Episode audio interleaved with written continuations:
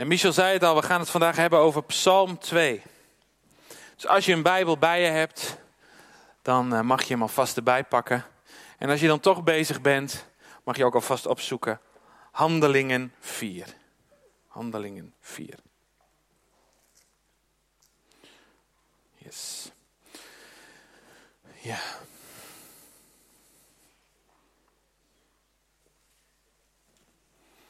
De Heer heeft altijd een woord voor zijn gemeente. Een woord waarmee we onszelf en de wereld om, ons heen kunnen zien vanuit zijn perspectief. Carlien sprak vorige week over vaak ben je te bang. Dat we soms te bang zijn. En dat Jezus ons uitdaagt om in geloof, in hoop en in liefde te blijven staan. En terwijl ik dat zo zeg, dan bedenk ik me hoe actueel is deze boodschap voor vandaag. Ook als we dit moeilijk vinden, roept de Heer ons daartoe op. En zo leidde de geest mij twee weken geleden naar Psalm 2. En gaandeweg in die weken ontvouwde de Heilige Geest de boodschap voor vanmorgen. Voor de tijd waarin wij nu leven. Een boodschap die ik met jullie ga delen tegen de achtergrond van wat zich nu afspeelt in de wereld. Maar ook voor jouw persoonlijke situatie. Het is niet alleen een boodschap voor nu, voor deze tijd, maar het is ook een boodschap voor de toekomst. Want als er iets zeker is in het leven, dat is dat tijden voorbij gaan. En tijden veranderen. En hoe kijkt God naar alles wat er nu in de wereld gebeurt? En hoe kunnen wij, hoe kun jij hiervan vanuit hemels perspectief mee omgaan in jouw dagelijkse leven? Bepaalt het je leven? Laat het je meesleuren, meezuigen? Of misschien wel het tegenovergestelde. Probeer je het weg te drukken en te negeren. En doe je net alsof het er niet is. Nou, laten we eerst eens gaan kijken naar de context van deze prachtige psalm. Psalm 2. Laten we met elkaar lezen. En ik lees het eh, uit de herziende statenvertaling. Psalm 2. De Heer en zijn gezalfde. Waarom woeden de heidenvolken? En bedenken de volken wat zonder inhoud is. De koningen van de aarde stellen zich op. En de vorsten spannen samen tegen de Heere en tegen zijn gezalfde. Laten wij hun banden verscheuren en hun touwen van ons werpen. Die in de hemel woont, zal lachen. De Heere zal hem bespotten. Dan zal hij tot hen spreken in zijn toorn. In zijn brandende toorn hun schrik opjagen, aanjagen. Ik heb mijn koning toch gezalfd over Sion, mijn heilige berg. Ik zal het besluit bekendmaken.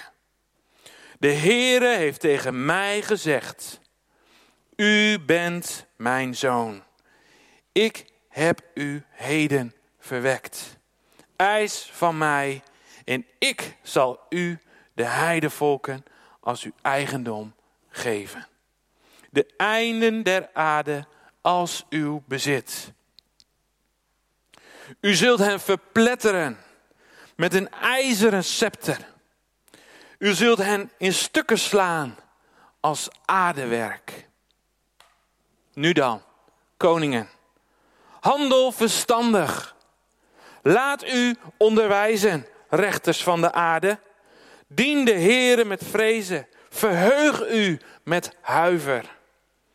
Kus de zoon, opdat hij niet toornig wordt en u onderweg omkomt, wanneer zijn toorn slechts even ontbrandt. Welzalig allen die tot hem de toevlucht nemen. Tot zover. Psalm 2, de naam zegt het al.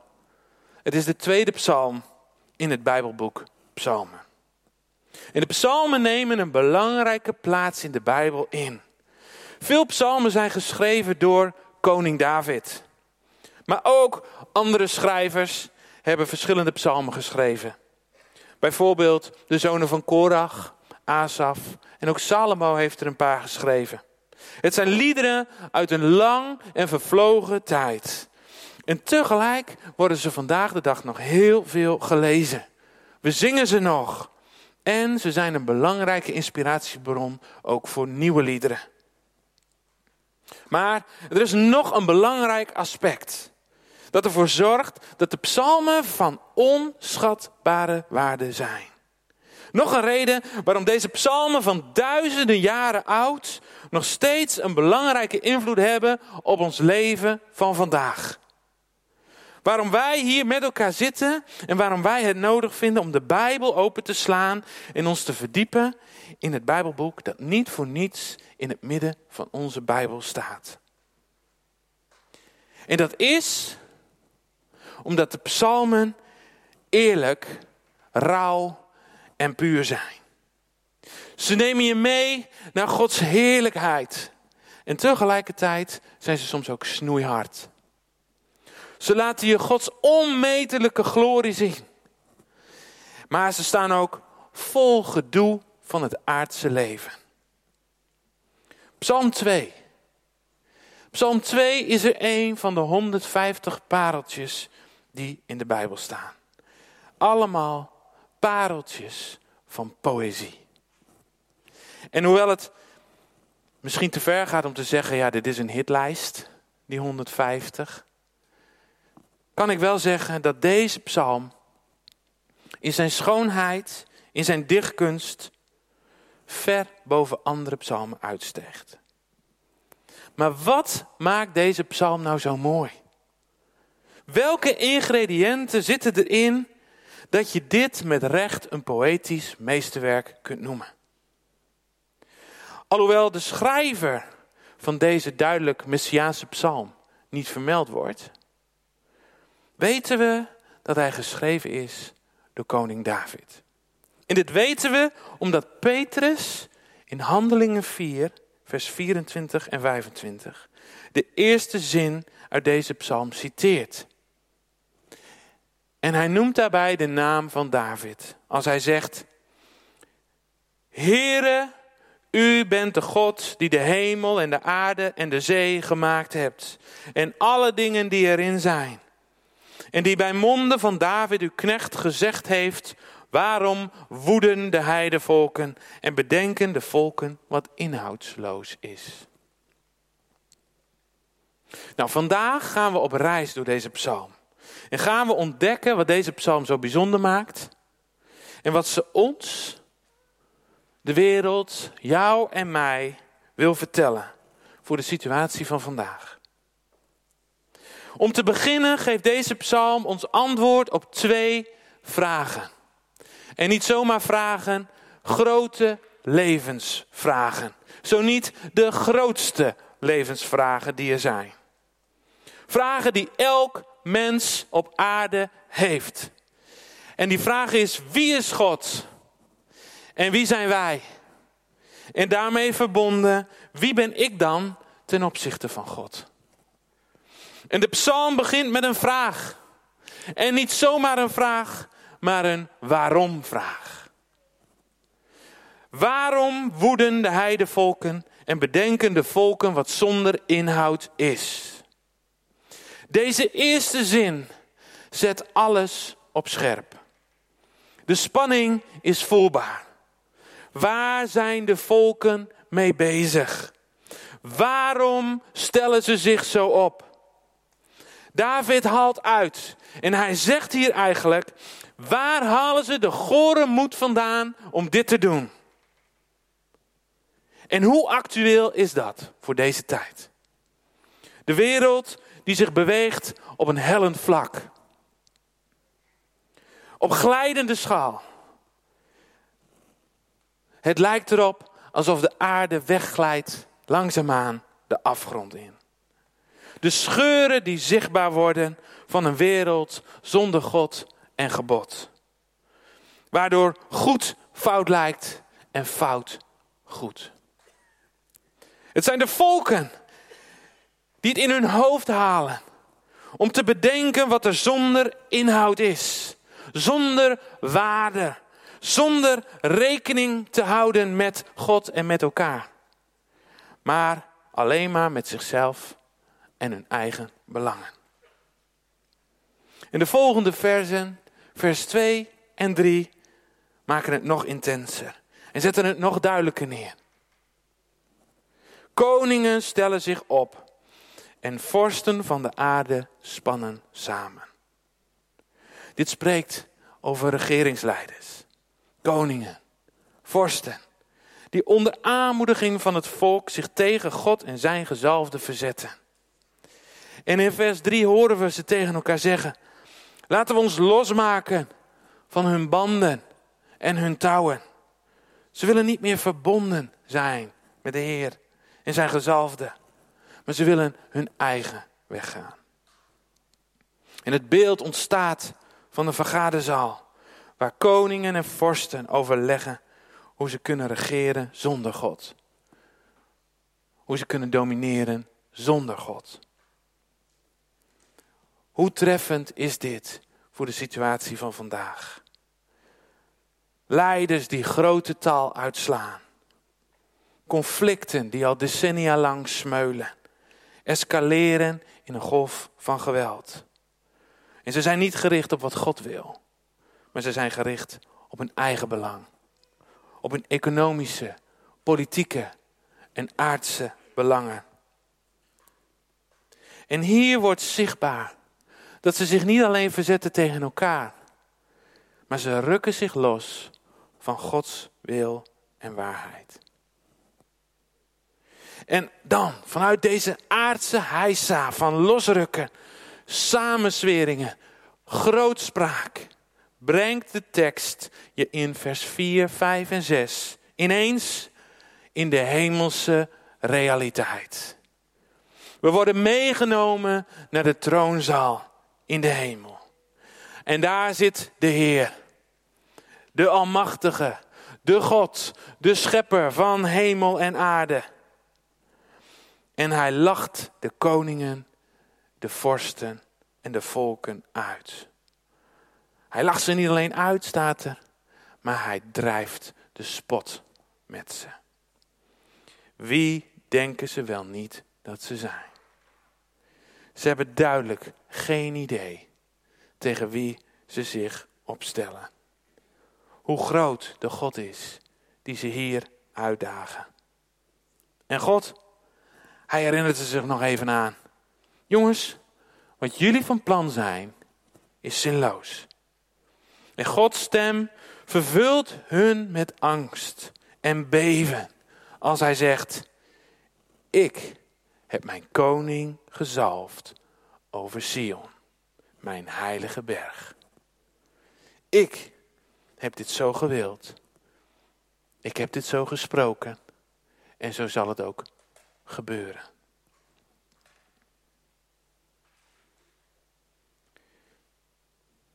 Ik heb mijn zoon alle volken in eigendom gegeven. Niet aan jullie. Niet aan Poetin. Niet aan Biden. Niet aan wie dan ook. Maar alleen aan Jezus. Hij regeert over jullie. En over de hele aarde. Dus mensen van de aarde verzetten heeft geen zin. En als jij je los wil rukken, als jij je los wil maken, dan zal hij jullie vernietigen met een ijzeren scepter en in stukken slaan als aardewerk. Wow. Als aardewerk. Want meer zijn jullie niet stof van de aarde. Waarmee God doet wat hij wil. Want God is schepper. En de mens is schepsel.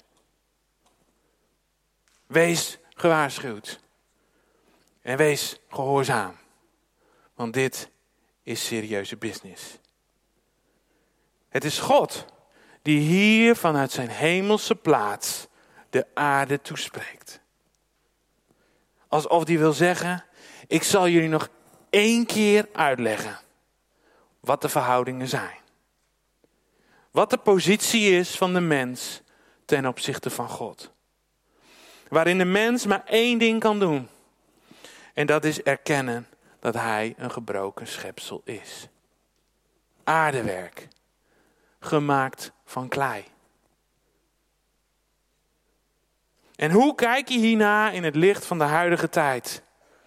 Een makkelijke valkuil kan zijn dat je deze psalm leest met een natuurlijke bril of misschien zelfs wel met een religieuze bril op. En je vult in wat jij denkt dat God denkt. Wat God bedoelt, of misschien zelfs wel wat God wil. Een conclusie kan bijvoorbeeld zijn: uh, ja, Biden valt aan, of uh, Poetin gaat terug, of uh, er moeten meer wetten komen, of meer regels komen. Ja, dat, kan, dat kan door de bril waardoor je naar deze aarde, naar de wereld om je heen kijkt, kunnen dat conclusies zijn die je trekt.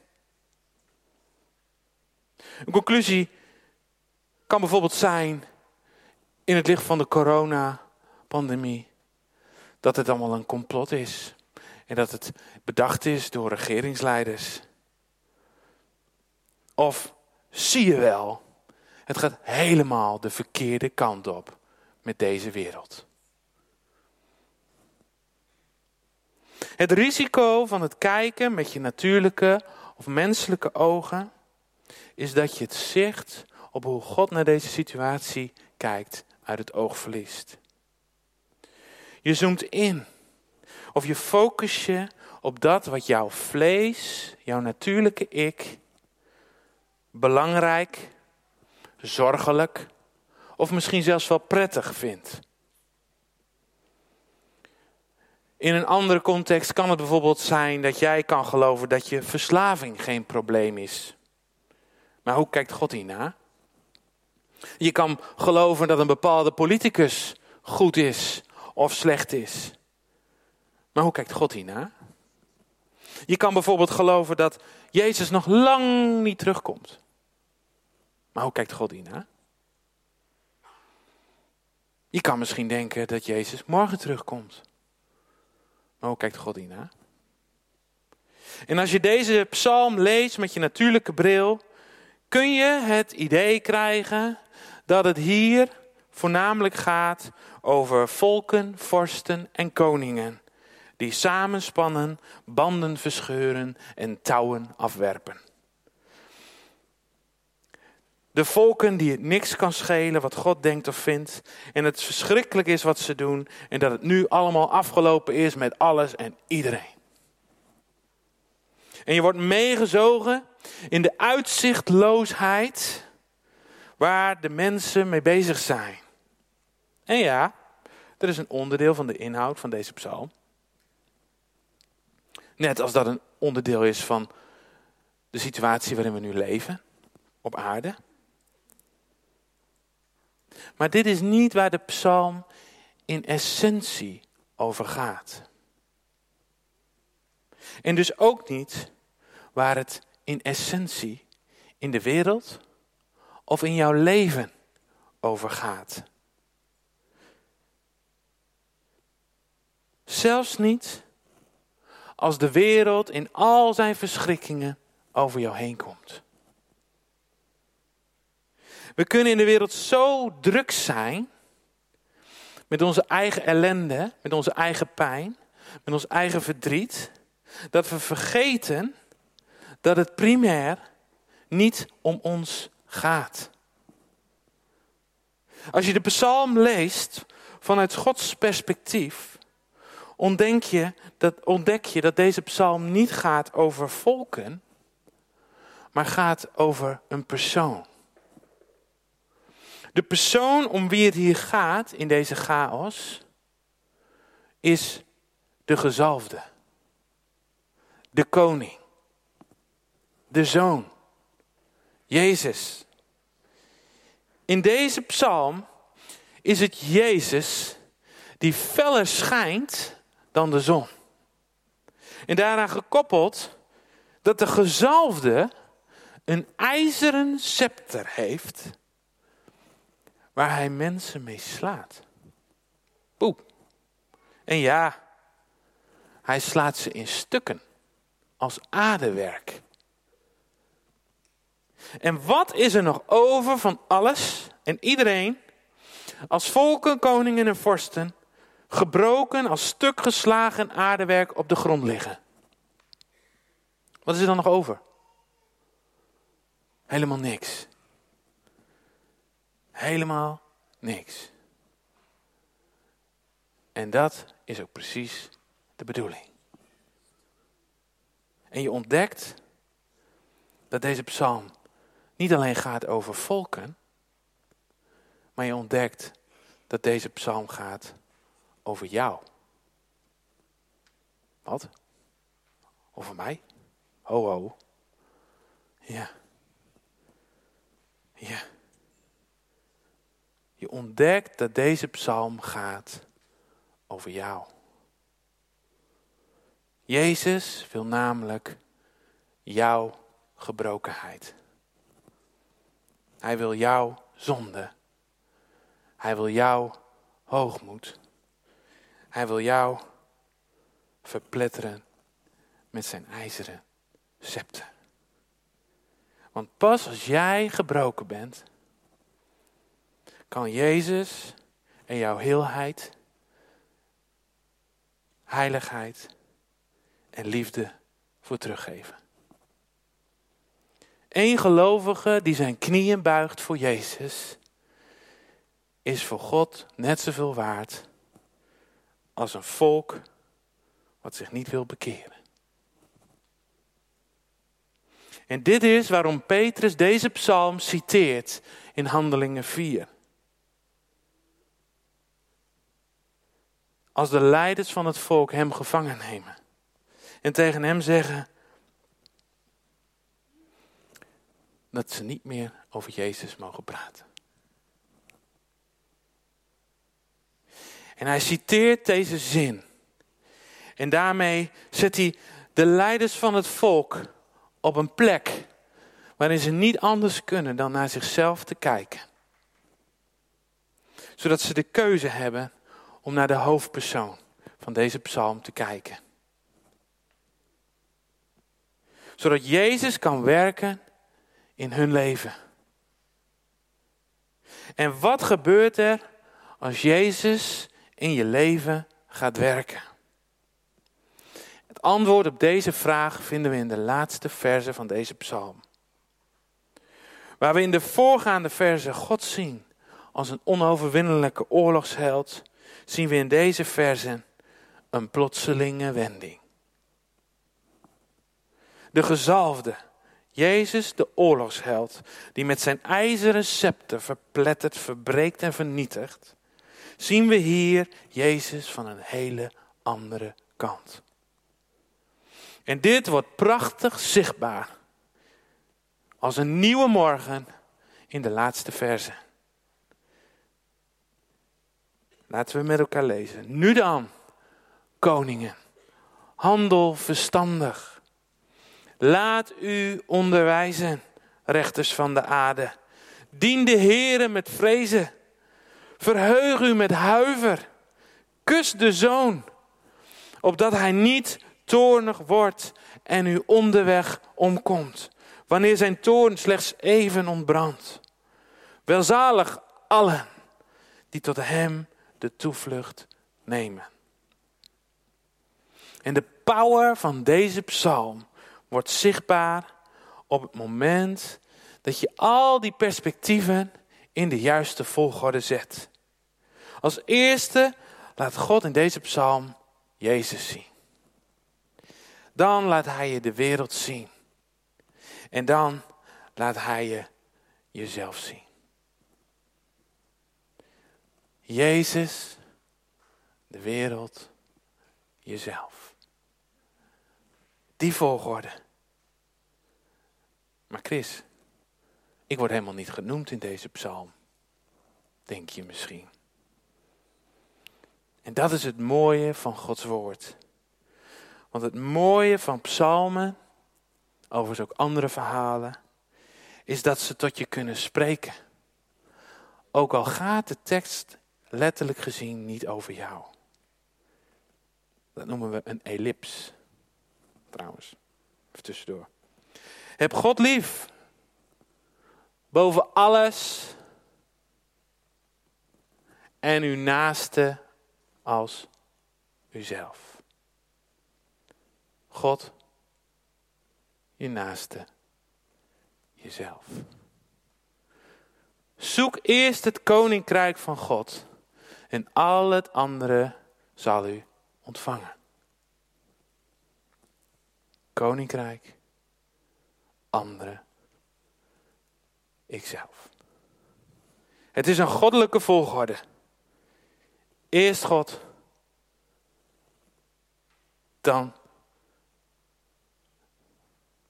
In het begin schiep God de hemel en de aarde. Eerst God, dan de hemel, dan de aarde.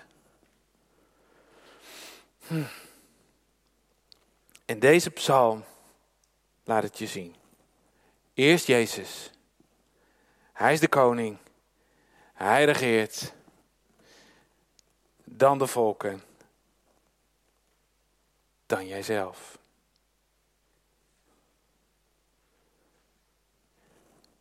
En hoe zit jij hier vanochtend? Hoe zit jij hier vanochtend? Hanteer jij die volgorde in je leven? Hanteer jij deze goddelijke volgorde in jouw leven? Of draai je het misschien wel om? Is het eerst ik, dan misschien nog de rest en dan God?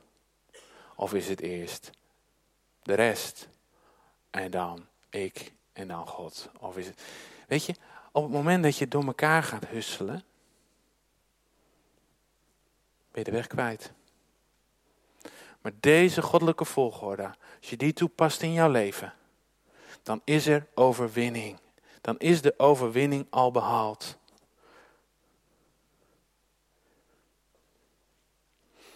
In het laatste vers zien we Jezus, die zich openbaart als een leraar. Een leraar die ons onderwijst. Die recht spreekt in situaties waar onrecht is. Hij laat zich zien als de Heer waar we ontzag voor hebben en waar we vreugde in vinden. En hij laat zich zien als de zoon die zich laat kussen en die de weg wijst. En iedereen die bij hem komt, ontvangt het eeuwige leven. Dus je zal wel gek zijn om God af te wijzen. Of om God los te laten. Of om in opstand tegen Hem te komen. De kracht van God wordt zichtbaar in het laatste vers. God is niet alleen iemand aan wie koningen zich onderwerpen. Het is ook een leraar die onderwijst. Het is een Heer die vreugde geeft. En het is een zoon die verlost. En iedereen die bij hem komt zal ontdekken wat de vreugde van God is. Hij is werkelijk alles wat je nodig hebt. Hij is de gezalfde. Door de belofte gegeven aan Israël. En zo aan ons. En zo aan jou persoonlijk.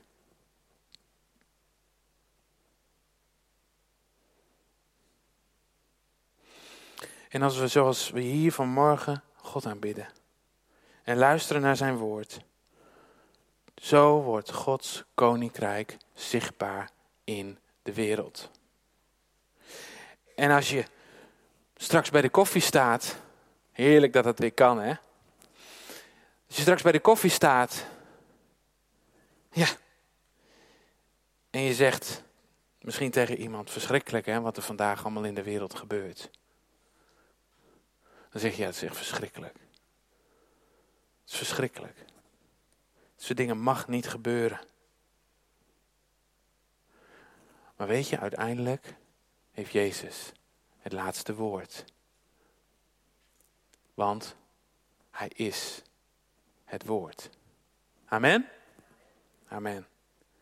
En als vrienden van je tegen je zeggen, maandag, kom, we gaan uh, naar de koffieshop. We gaan naar de koffieshop. Dan zeg jij, nee. Want ik heb iets wat beter werkt. Een gezalfde met een scepter. Nee hoor, grapje. Dan zeg je, ja, kan hè? Nee, dan zeg je, ik ken Jezus. Die werkt beter. Amen. En zo wordt koning, Gods koninkrijk zichtbaar in jouw leven en in jouw omgeving.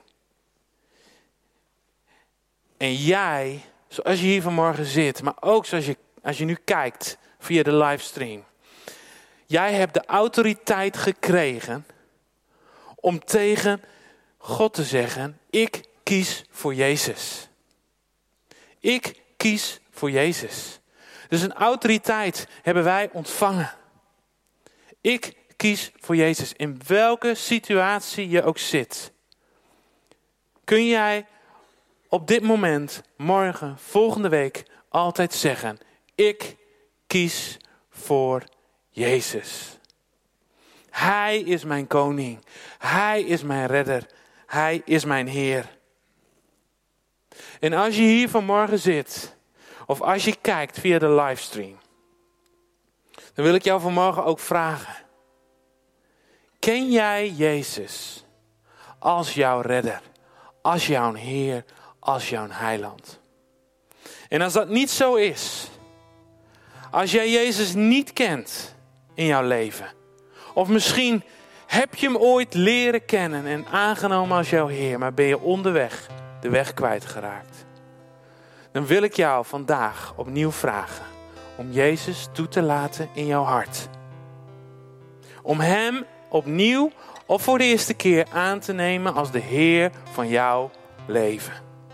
Als je dit wilt, dan wil ik je vragen, of je nou kijkt via de livestream of hier in de zaal zit, om je handen te vouwen en je ogen te sluiten. En zullen we dat met elkaar doen op dit moment. En zullen we bidden, lieve Heer Jezus, dank u wel dat u de Almachtige Koning bent. Dat u mij gered hebt van zonde en schuld. Dat u mij verlost heeft door het offer aan het kruis. En dat ik het eeuwige leven in u heb ontvangen. Heilige Geest, vul mijn hart en was mij schoon van alles wat ik fout gedaan heb. Vul mij van top tot teen. Dank u wel dat ik in u een nieuwe schepping ben geworden. En mag leven vanuit de kracht en de blijdschap van de Heilige Geest. In Jezus' naam. Amen. Amen. Yes. Zullen we Jezus een applaus geven vandaag? Ja. Ja. Ja. Als je wil, als je wil, ook als je kijkt, er is hier altijd nazorg. Stuur een mail naar gemeente.waardevolleven.nl. En als je hier in de zaal zit vanmorgen, er is een gebedsteam die klaar staat om met je te bidden. Maak daar gebruik van. Amen.